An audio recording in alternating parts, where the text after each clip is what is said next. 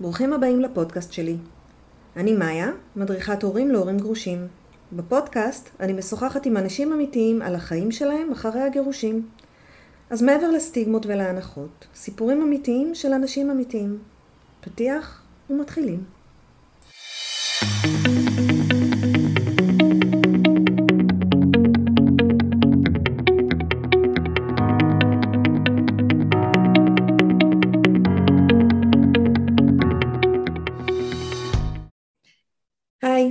היום אנחנו מארחים את מורן. למורן יש סיפור מאוד מאוד ייחודי על הראייה שלה של הגירושים.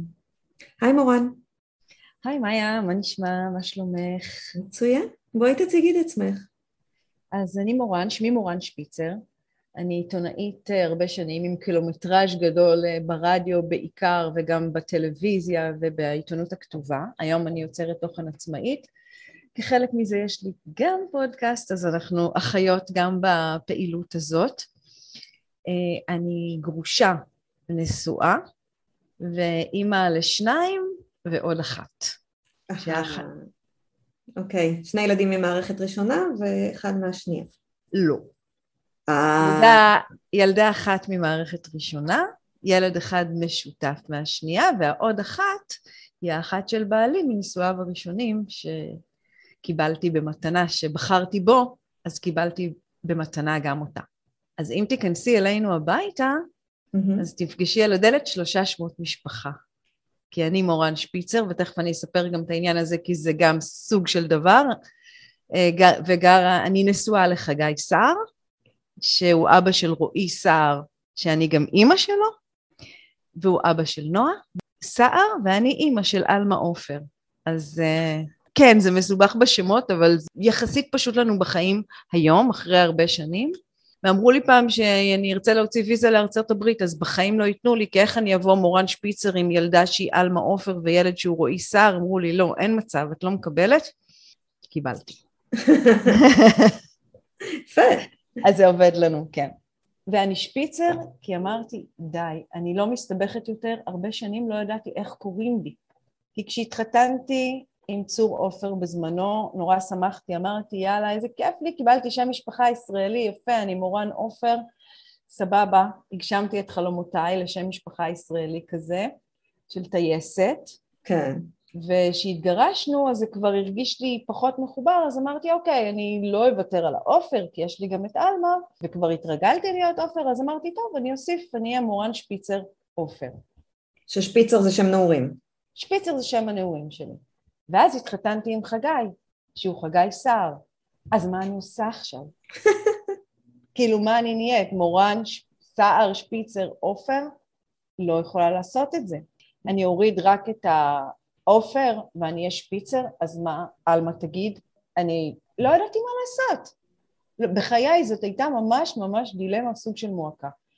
ואז אמרתי, חברים, עצרו הכל, אני חוזרת לבסיס, אני שפיצר, משם איש לא יזיז אותי, היא תהיה עלמה עופר, הוא יהיה רועי סער, אני אהיה נשואה לחגי סער, ואנחנו ביג הפי פמילי, וככה. אז uh, ברוכים הבאים למשפחת uh, סער שפיצר עופר. או-אה, אוקיי. אז אני שואלת, כי לי זה קצת צרם שאמרת שאת אימא של ה... ילד של בעלך בעצם. ו... ואני אומרת, אימא יש רק אחת, אימא שלו, זאת אומרת הגרושה. אני לא אימא, זה שלה, אוקיי? יש כן. לנו, אני אעשה רגע סדר כי זה באמת קצת מסובך. אז יש לי, לי יש ילדה מהנישואים הראשונים, לא יש בת מהנישואים הראשונים, ויש לנו ילד משותף, אוקיי? Okay? אז אני לא אימא שלה, אני בשום מקרה לא אימא שלה, אבל יש לה אימא, יש לה אימא נהדרת, אני שותפה להורות שלה גם עם אימא שלה, כי אנחנו ביחסים מאוד מאוד מאוד קרובים, mm-hmm.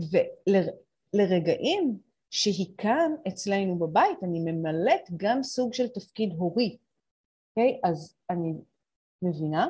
כן, אני מנסה, כי יש שני תפקידים הוריים. כשבזוגיות שנייה יש תפקיד של, אוקיי, זה הבית שלי, אלה חוקי הבית שלי, ואני עומדת עליהם, ויש הורות שהיא חינוך, ערכים. אה, חוקי הבית ואני עומדת עליהם, זה מקום שקצת קשה לי לשמוע, כי כאילו יש כאן את המקום הזה של האישה הזאת שייכנס לילד הביתה והיא תכתיב מה הילד יעשה, כי זה הבית שלה, זה נשמע לי, זה נשמע לי קצת קשוח וקצת okay. אוקיי. uh, כזה, את יודעת, uh, הכוונה פחות... יותר uh, אצלנו בבית, uh, אני יודעת, לא אוכלים בסלון, אוכלים סביב השולחן, או את יודעת, דברים שקורים בבית, מנהלתיים כאלה.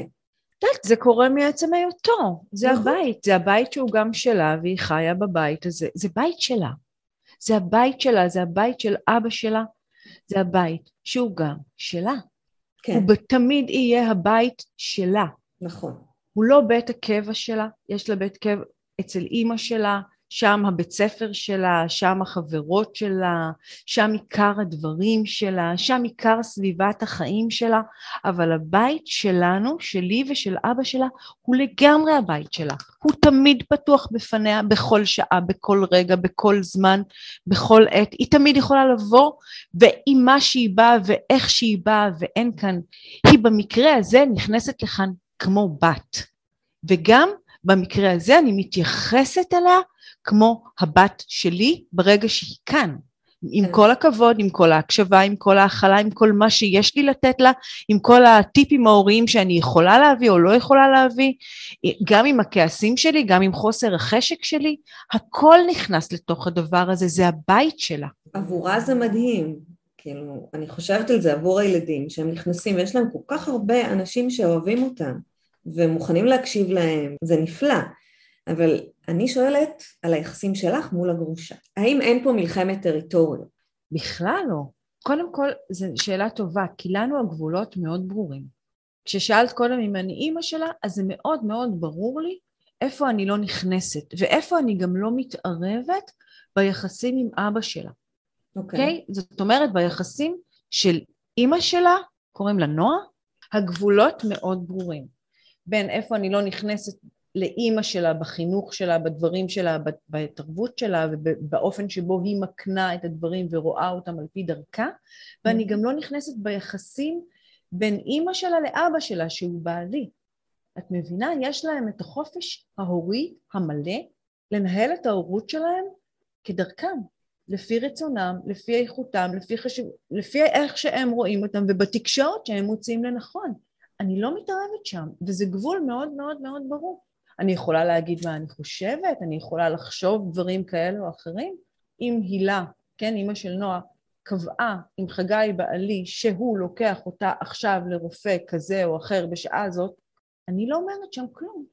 אוקיי, okay, ואם זה נופל על אה, ארוחה משפחתית שתכננת? זה קשור לתקשורת שלי עם חגי. אנחנו לא בתחרות. כל דבר שהוא קובע או לא קובע, עושה או לא עושה, אנחנו צריכים להיות על זה בתקשורת פתוחה וחופשית. שזה יהלום את הצרכים של שנינו ויהיה מתאים ומותאם, אבל אם אני חושבת שהיא צריכה עכשיו ללכת לרופא או לא צריכה ללכת לרופא, זה לא שאלה שלי. האם היא צריכה ללמוד בבית ספר כזה או בית ספר אחר, זאת לא השאלה שלי.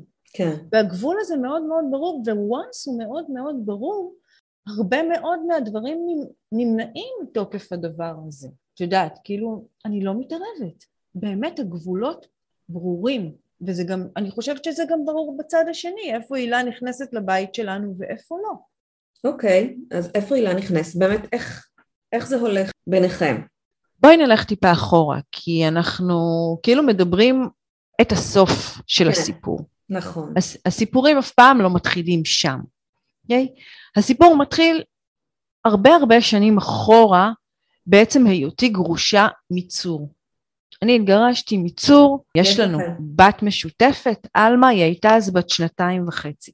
פיצית, היא בעצם לא מכירה שום דבר אחר, אבל אני וצור לאורך השנים הצלחנו לבנות לעצמנו הורות ויחסים מאוד מאוד חבריים. מאוד חבריים, באמת מאוד חבריים. שזה אני... גם, אה, את יודעת, זה מאוד קשה. במיוחד כשהגירושים עצמו הוא בדרך כלל מלווה במאבק, לא אצל כולם, אבל... מאבק זה סוג של בחירה בדרך איך אני רוצה לנהל את זה. נכון. אוקיי? Okay? הבחירה היא בהבנה וברצוני ללכת, אוקיי? Okay? או ברצונו ללכת, או בהבנה המשותפת של שנינו שזה לא עובד ואנחנו רוצים ללכת.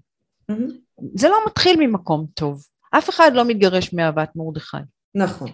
אבל כשאתה עושה את זה, אתה יכול לבחור איך אני עושה את זה. וזו תמיד, תמיד, תמיד, תמיד תהיה בחירה. עם, כי לעולמים, גם כשצור, חס ושלום, לא יהיה פה בעולם הזה, אני והוא מחוברים באבות אבותינו, בנימי נימינו, בעצם העובדה שיש לנו ילדה משותפת. בהיותו, בחסרונו, בהיעדרו, בכעסו, באהבתו, אני והוא מחוברים. על זה אין עוררין. אני מסכימה איתך לגמרי. העניין שאני מביאה לכאן זה שגירושים זה קונפליקט. זה קונפליקט בין שני אנשים. כמו שאמרת, אף אחד לא מתגרש מאהבת מרדכי. ולכן עולים אה, אגו, פגיעות, המון המון רגשות. עכשיו, את צודקת כשאת אומרת, זו בחירה, אבל זו בחירה שקשה לעשות אותה. זו דרך שצריכים לצאת אליה, אוקיי? היא מתחילה מנקודה אוקיי. מסוימת, שהנקודה הזאת היא נקודת פתיחה לא טובה, mm-hmm. ומשם אתה מתחיל לצעוד. ואז אתה מתחיל לעשות את זה לאט לאט. אני, אני מדברת איתך היום, אני וצור עלמה כבר בת 21. זאת אומרת שאני וצור כבר גרושים, לא יודעת, בוא נגיד כמעט 20 שנה. נכון. אז להגיד שהמקום שאנחנו היום הוא המקום שבו התחלנו? לא. אני לא רציתי לראות אותו בהתחלה, אני רציתי, אתה יודע, שייתן לי שקט, שיעזוב אותי, מדברת, כן. שילך מה, אפשר מהמרחב שלי ושאני אוכל להתבסס בתוכי, אוקיי? Okay? באמת, היה לי קשה מאוד בסוף היחסים שלנו, הוא היה מגיע הביתה, הייתי נעמדת עם הפנים לכיור ושותפת כלים. לא רוצה לראות אותו בתוך המקום הזה. עלמה הייתה נרדמת, הייתי לוקחת את הדברים שלי ויוצאת מהבית, בשביל שיהיה לי שקט. בסדר? כן, לא כן. אני יכולה להבין. התגרשנו ממקום, כמו שכולם מתגרשים, ממקום שהוא מקום שמבין שביחד אנחנו לא, לא בטוב, לא כן. בטוב, לא בטוב לנו. אבל זה דבר אחד, אוקיי? Okay? משם זה מתחיל. אבל כבר מההתחלה היה לי ברור שאם אני רוצה לנהל לעצמי את החיים הטובים שיהיו לי מעכשיו, אני חייבת לקחת בחשבון גם את טובתו של צור בסיפור הזה. כי טובתו בסופו של דבר היא טובתי. ואני אתן לך דוגמה. למשל, אה, אני נשארתי בדירה וצור עזב. בהתחלה היה לו מאוד קשה. הוא אמר, אני לא רוצה לקחת את הדברים מהבית. תשאירי אותם פה, תשמע את זה, אני, את יודעת, בקושי ארזתי לו איזה שתי צלחות, כוסות, אה, לא יודעת מה, את הבגדים העונתיים. הוא אמר לי, תשאירי פה. רציתי את הדברים שלו בבית שלי? לא. לא. לא רציתי את כל התקליטים שלו שתמיד היו תקועים לי שם ולא יכולתי לסבול את זה, לא רציתי את כל המעילים שלו ואת כל הקלסרים שלו ואת כל מה שזה לא יהיה. רציתי להתחיל את הבית שלי נקי. אבל ידעתי שזה חשוב לו. אז אמרתי, אוקיי, אני אנשום, אני אקח הרבה אוויר ואני אשאיר את הדברים האלה פה, בשביל לא להקשות עליו. הוא נורא רצה מפתח, כי הוא אמר, מה זה, יש לי פה תינוקת בבית הזה. אז מה, עכשיו אני לא יכולה להיכנס לראות אותה מתי שאני רוצה, ואני לא אבוא לבקר אותה? חכי. אז אמרתי לו, בסדר. יש, הפרטיות שלי יכולה להישמר בזה שהוא יכול להגיד לי שהוא רוצה להגיע, ואז אני, אוקיי. הוא יכול לבוא. ואמרתי לו, בסדר, המפתח אצלך. הוא לא השתמש בו אפילו פעם אחת בלי שידעתי שהוא עומד להיכנס. עצם האפשרות כבר יתרה את הצורך. אוקיי. Okay. ולאט לאט התחלנו את המסע שלנו בתוך הדבר הזה. וגם, את יודעת, וגם צור היה מקסים, הכי נדיב בעולם, הוא אמר, אוקיי, יש לך פה תינוקת שאת אחראית לגדל אותה? מה התינוקת הזאת צריכה בשביל שיהיו לה חיים של רווחה? מה את צריכה בשביל שתוכלי לגדל אותה כמו שצריך? הנה בבקשה, זה, זה זה. אז הלכנו אחר כך לאותו עורך דין, וישבנו שם ביחד, וכן, יש תחום אפור בין אני לא רוצה לשלם שקל, אני לא רוצה לקבל שקל יותר ממה שמגיע לי, ואני לא רוצה לשלם שקל פחות ממה שאני צריך לשלם, אוקיי? זה בדרך כלל הפוך פשוט. אבל אני חושבת שזה טעות. אני מסכימה איתך, ואני חושבת שהגדולה שאת מדברת עליה, לראות את הצרכים של הגרוש או של האימא והאבא של הילדים, זה משהו שמגיע הרבה יותר מאוחר כשהרגשות וסערת הרגשות שוכחת. אני חושבת שזה משהו, תראי, רגשות זה קשר, אוקיי? כן. להיות בקשר עם הגרוש שלי בכעס, בשנאה, בהתרסה, במלחמה, זה לשמר את הקשר מהמקום הזה. נכון. להיות איתו בקשר ממקום אחר, זה ממקום שיש בו קצת יותר הקשבה, קצת יותר הכלה, קצת יותר לראות אותו, קצת יותר אה, לנשום ולבלוע את הצפרדעים שלי, זה להיות בקשר מהמקום הזה. וזאת הבחירה, ההבנה היא שהקשר הוא שם. עכשיו, איך ננהל אותו? מאיזה מקום? עכשיו, כל אחד צריך להתבונן על עצמו ול, ולהגיד, אני הרגשתי שאני, יש לי יכולות ותעצומות בניהול הגירושים האלה, והתוויתי דרך. וכשאתה מתווה את הדרך, הדרך הזאת צלולה בפניך.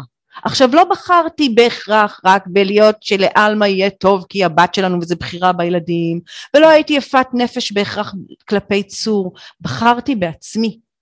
בחרתי בעצמי כי כשאני מכניסה לחיים שלי מאבק, כשאני מכניסה להם תרעלה, כשאני מכניסה להם התנגחות, כשאני מכניסה להם קנאה, כשאני מכניסה להם תסכול, כשאני מכניסה להם עצבות, אני סובלת. הוא יכול להיות משוחרר לנפשו וליהנות עם, ה, עם החברה החדשה הצעירה היפה והחתיכה שהוא פגש ואני יושבת בבית וממררת את, בלכעוס עליו אז במי אני פוגעת? במי? אם לא בעצמי? אני אגיד לך רק, רק, רק. במאה אחוז אני מסכימה איתך, אבל זו תובנה שקשה להגיע אליה ועוד יותר קשה לעשות אותה. על התובנה לא קשה להגיע. את התובנה לא קשה להגיע. קל להבין את הבחירה בעצמי וקל להבין את כן. המקום שקשר יכול להיות מנוהל במקום הזה. לשלוט בזה זה דרך. וזו דרך שהולכת וכל פעם צעד אחרי צעד אחרי צעד נפתחת ודברים שיכולנו לא לעשות בשנה הראשונה אנחנו יכולים לעשות בשנה השנייה ומה שלא יכולנו בשנה השנייה והיום כעבור עשרים שנה צור הוא החבר הטוב ביותר שלי בעולם הוא הדבר הכי יציב שיש לי את יודעת, באמת, אחרי הגירושים היו בני זוג שעזבו אותי, והיו כאלה שהלכו ונשארו אותי ואת עלמה עצובות וגלמודות וחסרות, וצור תמיד שם. אמרתי תמיד, אני זוכרת באיזה מכתב שלא נכתב, שכתבתי לעלמה, כתבתי לה, את יודעת, הרבה עזבו אותנו, אבל לא אבא. הוא תמיד יהיה איתנו ובשבילנו. והוא עוגן שלי. הוא זה, באמת זה עוגן בשבילי. התובנה הזאת כאילו mind blowing. להגיע למצב כזה ולהגיד בעצם הוא זה שלא עזב אותנו אף פעם. ממש ככה. ועכשיו, אחרי שביססתי את היחסים הטובים שלי עם צור, עכשיו היה לי גם פרטנר לדבר הזה, באמת, כל הכבוד לצור במובן הזה, שצור גם הבין, לא דיברנו על זה אף פעם, אבל רק הרבה שנים אחרי, דווקא באופן מאוד כן. מוזר, אה, בעקבות איזו כתבה שעשו עלינו פעם בעיתון על גירושים מאושרים, ולא האמנתי שהוא יסכים בכלל, אבל הכתבת אמרה לי, תני לי, אני אתקשר אליו.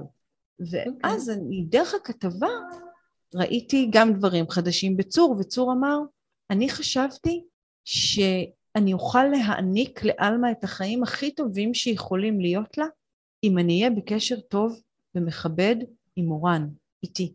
אם למורן יהיה טוב. ככה אני אוכל להעניק לה את החיים הטובים שיש לי, כי אני ומורן ביחד כבר לא נהיה. אבל עלמה היא הבת שלי, ואיך אני אוכל לתת לה חיים טובים במסגרת המצב שנוצר, במסגרת הסיטואציה הזו שקרתה לנו, של הגירושים האלה, זאת הדרך. ומעורר השראה. מסתדרים עם זה שהוא יוצא עם מישהי ו- ואת יוצאת עם מישהו ויש איזה, אין אה. קנאה, אין משהו זז.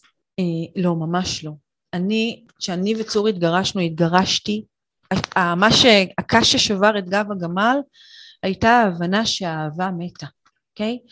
תראי, זה מתחיל תמיד מתסכול, הוא לא עושה ככה, הוא כן עושה ככה, זה ככה, והוא ככה, והוא כזה, והוא כזה, ואצלנו כל הסחרחרת הזאת uh, התחילה בערך uh, ביום שאלמה נולדה, צר לי לה, להגיד את זה.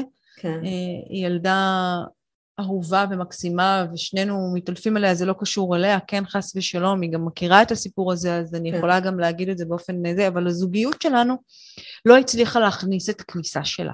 אה, זה הגדיל בינינו את הפערים, וכל אחד, אה, זה העצים אצלו את עצמו, ובאמת כן. הזוגיות שלנו, הכי בכללי לא הצליחה להחזיק את, ה... את לידתה של עלמה, וכשאמרתי, אוקיי, אין לנו על מה לעבוד יותר, זה היה ביום שהבנתי שאני כבר לא אוהבת אותו. אני לא אוהבת אותו כזוג, כבן זוג, אוקיי?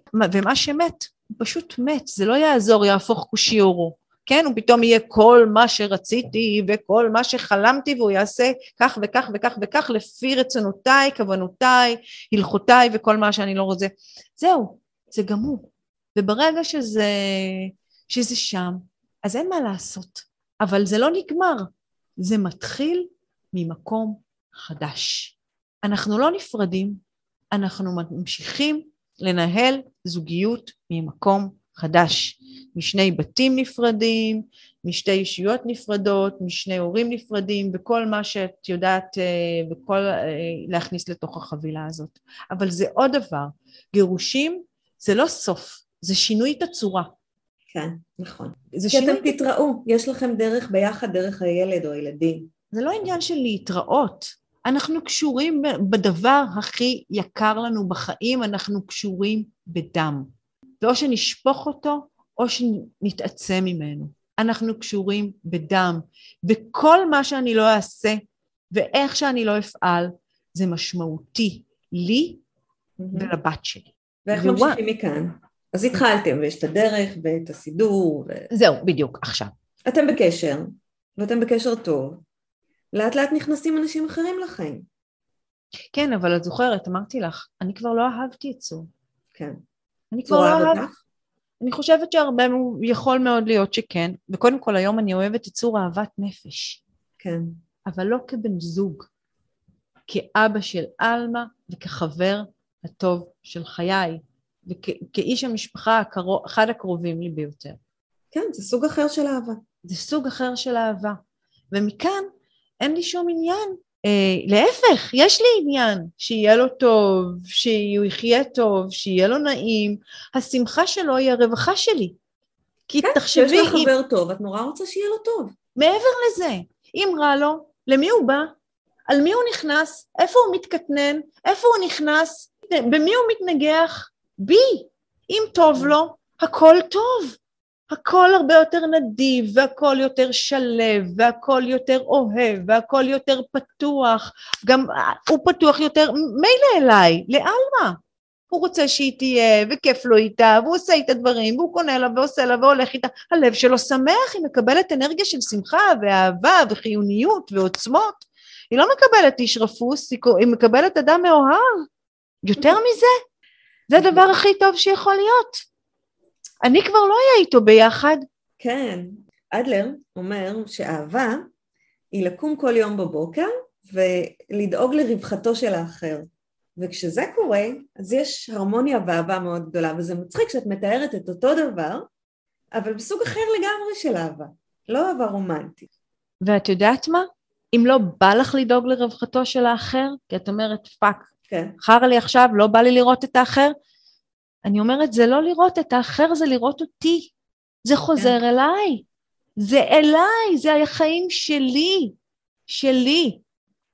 וכאן גם נכנסת הזוגיות השנייה בדיוק לאותו דבר וליחסים עם הגרושה. אני הכרתי את חגי, בעלי הנוכחי, היה לי ברור שכמו שצור בשבילי, mm-hmm. כך גם גרושתו אמורה להיות בשבילו. ואם היא בשבילו, אז היא גם בשבילי. זה לא תמיד קורה. זה לא תמיד קורה. בואי ניתן לך דוגמה מתחילת תחילת תחילת היחסים שלנו, בסדר? Mm-hmm. אני וחגי, בעלי, נסענו עם עלמה בתי ונועה בתו לחופשה בצפון. אוקיי? Okay, נסענו וגם uh, היו איתנו גם uh, האחים של חגי, נסענו מין חופשה משפחתית כזאת. ואני ידעתי שאנחנו נוסעים לש... נדמה לי שלושה לילות או משהו כזה. כן. יצא שבאותו, בלילה האחרון, הבוקר, היה יום ההולדת של נועה. וחגי הבטיח להילה שאת הבוקר הזה היא תקום בבית, כי זה היום הולדת שלה. אוקיי, okay, כן? זאת אומרת, נועה, הבת של הילה ושל... אה, חגי הייתה איתנו, חגי הבטיח להילה, אני מחזיר לך אותה ליום הולדת, היא תחזור עד אז, אנחנו, אני כבר אביא את נועה. אוקיי. Okay. לי, הוא לא אמר את זה, כי את יודעת, לא היה לו דרך, חופש וזה, אמר, טוב, הילה כבר היא תוותר, יהיה בסדר. מגיע הלילה, הלילה האחרון, הילה מתקשרת, נו, אמרתם שאתם חוזרים, מתי אתם חוזרים? יש לה מחר אה, יום הולדת, אמרת שאתה חוזר איתה. כן. ואני כאילו מסתכלת ואומרת, מה חוזר איתה? יש לנו פה עוד לילה. מה הקטע? וגם מה כזה נסתרי? בסדר, קבעתם יום כיף אחר כך ביחד, היא תקום איתנו בבוקר, נהרוס את הדברים, ניסע, תיפגשו בחיפה, שם תכננתם לעשות אה, מד התיקו של יודע מה, כל מיני דברים אחרים. תיסע תהיה איתה שם. כן. אז אני מחזיקה את התפיסה הזאת, ומצד שני בבית הילה אומרת, הזמן מתקשרת. כאילו, תחזיר... דיברנו, קבענו משהו. תחזרו, תחזרו, תחזרו, תחזרו. ואני כאילו, את יודעת, אומרת, מה יש לה? כאילו, יא, הלאה, מה עכשיו הטיול הזה שלה? אז שתירגע, שתסתום את הפה שלה, שתשב בשקט, היא תקבל את הילדה בזה, וזהו. עכשיו, בפועל, נמצא חגי, הבעל שלי האהוב, כמו ישו הצלוב, אם כל אחד נמשך לאישה הזאת שאומרת ככה, לאישה השנייה שאומרת ככה. ומי יותר כן. חשוב? יש פה גם איזה קטע, רגע, למי אתה מקשיב, לה או לי? מי יותר חשובה לך? את בכלל לא מסתכלת עליה, את הסתכלת עליה, היא הסתכל, כל אחד ראתה את עצמה, אני רציתי עוד נכון. לילה בטיול, והיא רצתה את, לקום עם נועה בבוקר ביום של היום הולדת, כי היא רוצה להכין לה שולחן הפתעות ועוגה ושירים וכל הדברים האלה, זאת הבת שלה, היא רוצה לחגוג איתה את בוקר היום הולדת שלה. כן. עכשיו, באיזשהו שלב אני רואה את חגי, הולך לצד, מדבר עם הילה, הוא יושב באוטו, כן. והוא גמור, הוא גמור. עכשיו, באופן אחר אני יכולה להגיד לו, בסדר, יום לעמוד לו מהצד, תסגור לו את הטלפון, שלך לכל הרוחות, נשאר פה, יתקבל אותה מחר. כן. נכון? תכלס. נכון. בגדול. ובצד השני אני רואה, אז אני אומרת לו, קשה לו. קשה לו וקשה לה. כן. מאוד קשה לו, הוא אבוד. אז אני אומרת, ואני רוצה, תכלס בגדול רציתי לעזור לו. נכון, אז, בעלי. אז אמר, בעלי. אז אמרתי לו, תן לי רגע לדבר עם מילה. כן. תן לי, תן לי שנייה רגע לדבר עם מילה. ולקחתי את הטלפון ושמעתי את הילה. והילה אומרת לי, מורן, הוא הבטיח לי שאתם יוצאים לטיול, אבל הוא מביא את נועה בבוקר של היום הולדת. כן. ואני אומרת לה, הילה, לא דיברנו אז לפני זה אף פעם. זה היה ממש בתחילת היחסים, אני אומרת לה, הילה, אני ממש מבינה אותך. אני ממש מבינה אותך. זה נורא, זה באמת אני מבינה אותך. זה מאכזב, זה מתסכל, זה מעצבן, זה מרתיח. חשוב לך שנועה תהיה, אני נורא מבינה גם את המקום הזה שחשוב לך לקום איתה בבוקר.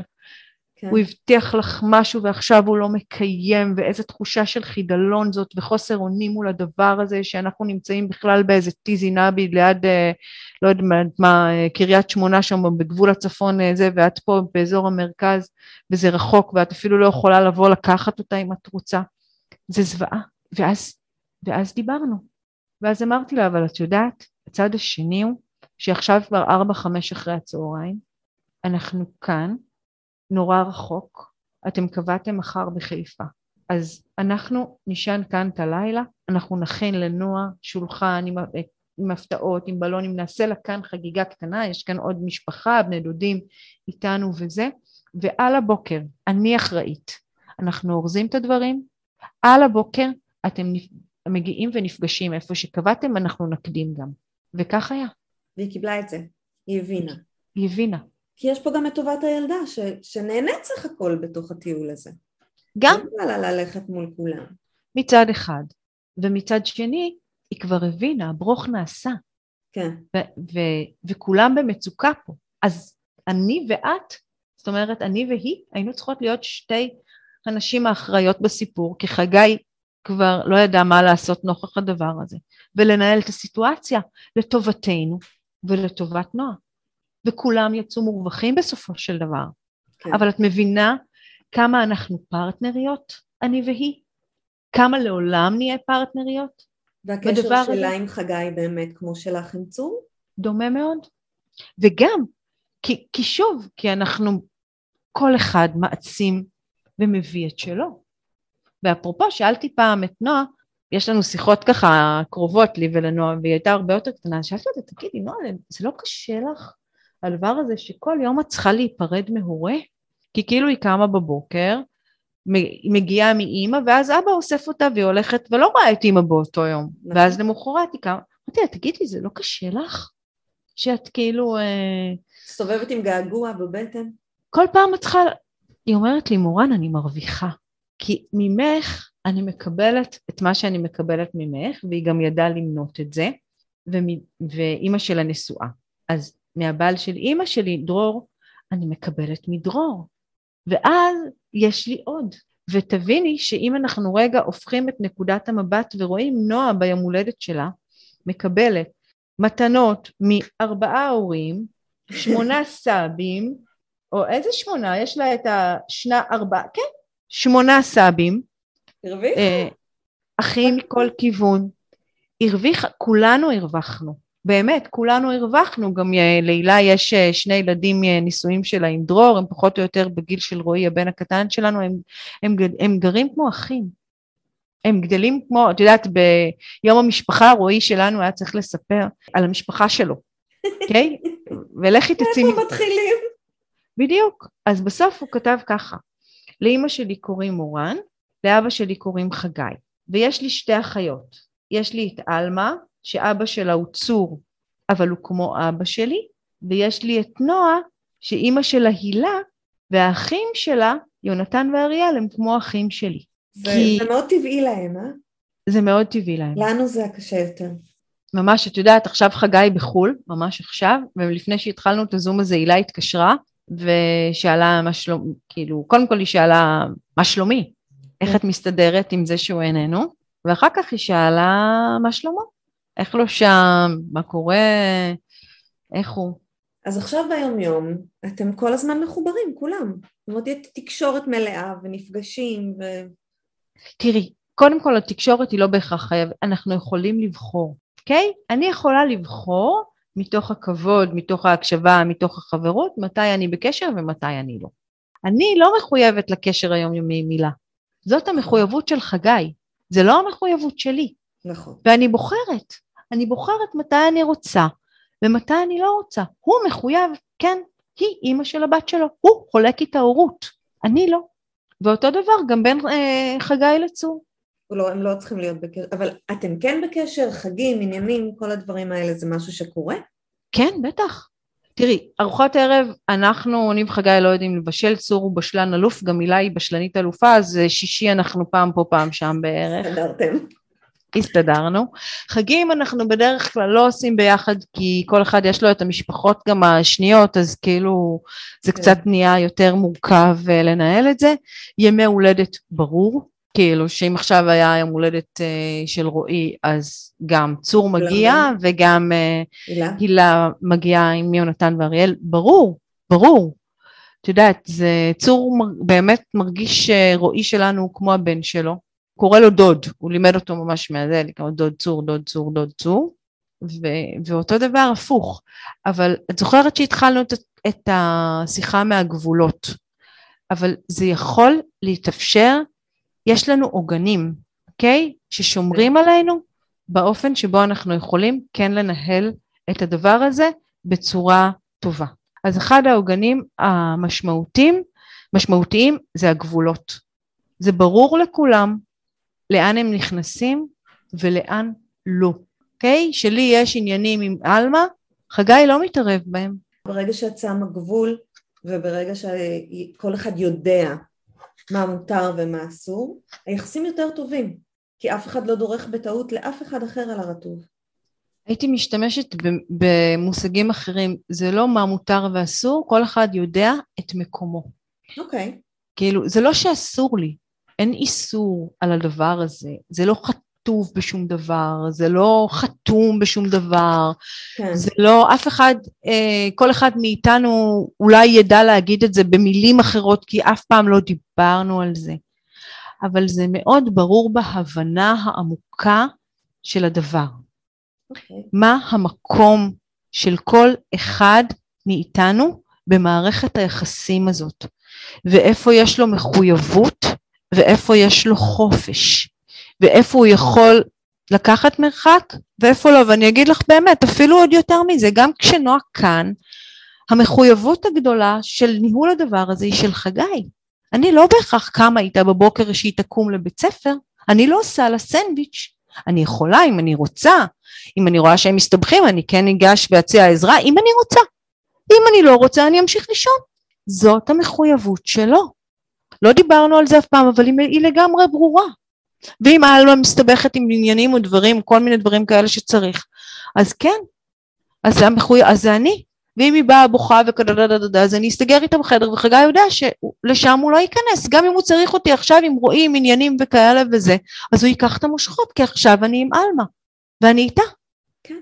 והמקומות הם מאוד ברורים, וזה עוגן מאוד חשוב ומשמעותי. אז אחד, זה כל אחד יודע מה מקומו. Mm-hmm. שנית, זה, זה המקום שבו הוא יכול לבחור מה הוא רוצה לעשות בכל רגע נתון. עומד תמיד נגד עינינו היא ראיית האחר, כי לראות את האחר זה לראות אותי. ההבנה היא שאני לא יפת נפש כזאת שבוחרת כי צריך או כי זה, אני בוחרת בעצמי. אני רוצה אחרי הגירושים שזה שיט של דבר וזה חיים מחורבנים בבית אחד ואני אשכרה עזבתי את הבית בהבנה שלא ברור לי איך שני מבוגרים יכולים לחיות בבית אחד תחת אותה קורת גר אחת. בבחירה שבמשפחה החדשה שהקמתי ולנישואים האלה שהתחתנתי אותם אהבה גדולה אני רוצה שייכנס טוב אני רוצה שתיכנס הרמוניה, אני רוצה שתיכנס אהבה, אני רוצה שתיכנס חברות, אני רוצה שייכנס כבוד, אני רוצה שייכנס הכלה, כל מה שאני רוצה. והילה ודרור גם לצורך העניין הם חלק ממערכת היחסים שלי. ואם אני לא אהיה בטעם טוב, אני, אני אחרבן לעצמי, פשוט אחרבן לעצמי. הכי אגואיסטי. ולא בא לי. מה? הכי אגואיסטי. הכי אגואיסטי. לא רוצה לחרבן לעצמי. וואנס אני מבינה את זה, את יודעת איזה מכפלות כוח אנחנו? כן. את, את קולטת? אנחנו מכפלות של כוח. נכון. אנחנו אשכרה, ומי מכירה יותר טוב את חגי מהילה? מי? מי יודעת לספר לי עליו דברים ולרצות בטובתו יחד איתי וששתינו נחזיק את הטובה שלו? מי? יש עוד אחת יותר קרובה עלי אדמות חוץ ממנה? שוב, את הכי הגיונית, את אומרת דברים מאוד הגיוניים ונכונים תכלס הם עושים חיים הרבה יותר טובים, אבל יש אגו, ויש פגיעה, ויש דברים כאלה ש, ששמים מכשלות, ולהתעלות עליהם זה, זה מאמץ, זה מאמץ אם, גדול. אם אני בוחרת בעצמי, את, את, את עוד פעם משמרת לי את הקשר עם הצד השני מהפגיעות, מהעלבון, מהזה. Mm. אני אומרת הקשר קיים, אני בוחרת בי. אני בוחרת את החיים שלי, אם אני מחזיקה עלבון מי נפגע? אני. אם אני מחזיקה כעס, מי נפגע? אני. אם אני מחזיקה שנאה, מי נפגע? אני. אני כל הזמן אחזור לשם, אני אחזור אליי, אליי, אליי, אליי. ואני אעשה את זה בהתחלה במינונים שאני יכולה. להבין איזה רגש מנהל אותי עכשיו, ואם זה, זה הרגש שאני רוצה שינהל אותי, או לא רוצה שינהל אותי. השיח הוא פנימי, הוא בכלל לא איתו, השיח הוא עם עצמי, משם אנחנו מתחילים את התהליך. משם, הכל מתחיל ממני, מהחיים הטובים שאני רוצה לי ולילדיי. וההבנה היא מה אני רוצה, וההבנה שאני מנווטת את הבחירה הזאת. אני אגיד לך את משפט הסיום בדבר הזה, וזה נכון לכל דבר, בעיניי לא רק לגירושים. כשאנחנו נמצאים במצב שהוא בין רצוי למצוי, אנחנו יכולים לבחור אם להיות הגשר או להוות את הפער. ואני בחרתי להיות הגשר. וכל אחד מאיתנו יכול להיות גשר, וזה הדבר. כי לעולם נהיה בין שתי גדות הנהר הזה. לעולם, once יש לנו ילדים משותפים. אין ספק שזו גישה מדהימה ושתביא רק טוב ועושה רק טוב ואת מוכיחה את זה. את אומרת פה בעצם לבחור בטובת הגרוש זה לבחור בעצמי וזה כל כך נכון. אני מקווה שכן הצלחנו אה, להעביר פה מסר לאנשים שמתגרשים. אני אומרת, זה. להיות לטובת הגרוש זה להיות לטובתי ולטובת ילדיי, להיות בקשר עם הגרוש או הגרושה שלו, את יודעת, במקרה שלי הגרושה שלו, זה, זה גם, כי, כי היא יכולה לנהל את החיים שלו באופן שיפגע בחיים שלי, ואם אני באה אליה בטוב, היא תבוא אליי בטוב. אני והיא בקשר, אז אני בוחרת בי, ואם אנחנו חברות, ואם אנחנו בשותפות, אנחנו מכפלות של כוח. לגמרי. אני גם אשמח שאם בא לך אה, לשים, אה, בלי קשר, לשים את המייל שלי אצלך, ואם יש אנשים שרוצים לקבל ממני עוד בדבר הזה, איך אתה יכול אה, להיות הגשר, אני, ולתת עוד מתוך המקום הזה, מתוך הבנת החרא ולא מתוך, את יודעת, אה, יפיים של החיים וטוב הלב וזה, אני, זה יופיע אני, בתיאור למטה. אני ממש אשמח. בואי נדבר על הפודקאסט שלך. למה פתחת פודקאסט? את אישה עסוקה. אני מוצאת בפודקאסט את המקום הכי עמוק שבו אני יכולה לבטא את הקול האישי שלי באופן חופשי ולהביא את ה, אותי, את האני מאמין שלי ואת הערך ב, ביחסים מכל מיני בחינות אה, דרך המקום הזה. אני גם בבסיס שלי אשת רדיו אז כך שזה מבחינתי הכלי הכי טבעי שאני יכולה לעבוד איתו. זה פודקאסט ש... של מכתבים בעצם. כן, אני מתה על מכתבים. אני מוצאת במכתב את המקום שבו אתה בעצם יכול להגיד את כל מה שאתה לא יכול לומר, כן. אתה יכול לחשוף את כל מה שאתה לא יכול לגלות, ואתה יכול להיות כל מה שאתה לא מעז אף פעם.